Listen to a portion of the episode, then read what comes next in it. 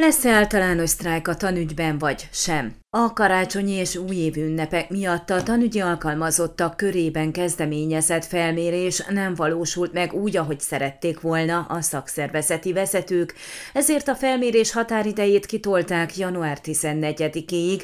Tudtuk meg Molnár Zoltántól, a Tanügyi Szabad Szakszervezetek Szövetségének Maros megyei elnökétől. Január 14-e után lesz egy határozat, amely eldönti, hogy milyen tiltakozási formákat indítson a szakszervezet, addig lesz egy találkozó a miniszterelnökkel csütörtökön, de nem nagy reményekkel, mert a költségvetés már el van fogadva. Legfeljebb ígéretek lehetnek, de nem tudom, meddig lehet ezeknek hinni, mert az elmúlt két évben vicc volt minden ígéretük, fogalmazott a szakszervezeti vezető.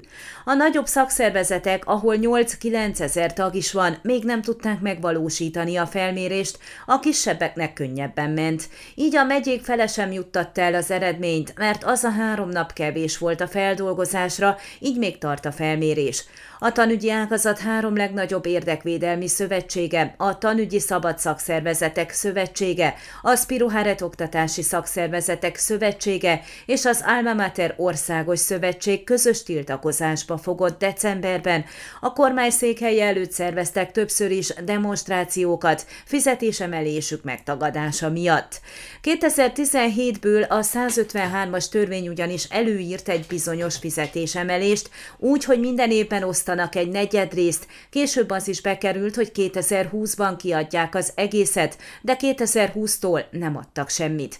Tehát a tanügy irányába el vannak maradva ennek a növekedésnek a felével, azaz 16%-ot jelentene. 2021-ben szintén nem kaptak béremelést, a pénzügyminisztérium pedig 2022-re be akarta fagyasztani a közalkalmazotti fizetéseket, majd mégis megszavazott számukra egy 4%-os emelést a 16 helyett. Ezt gúnyolódásnak vélik a szakszervezetek képviselői, tiltakozásaiktól remélik a változást. Molnár Zoltán kifejtette, egészen csütörtökig felfüggesztik a sztrájkőrséget, de utána folytatják a törvényes keretek között. Valószínű, hogy a sztrájkőrséget továbbra is alkalmazni fogja a szakszervezet Bukarestben a kormányépület előtt, még nagyobb ritmikussággal.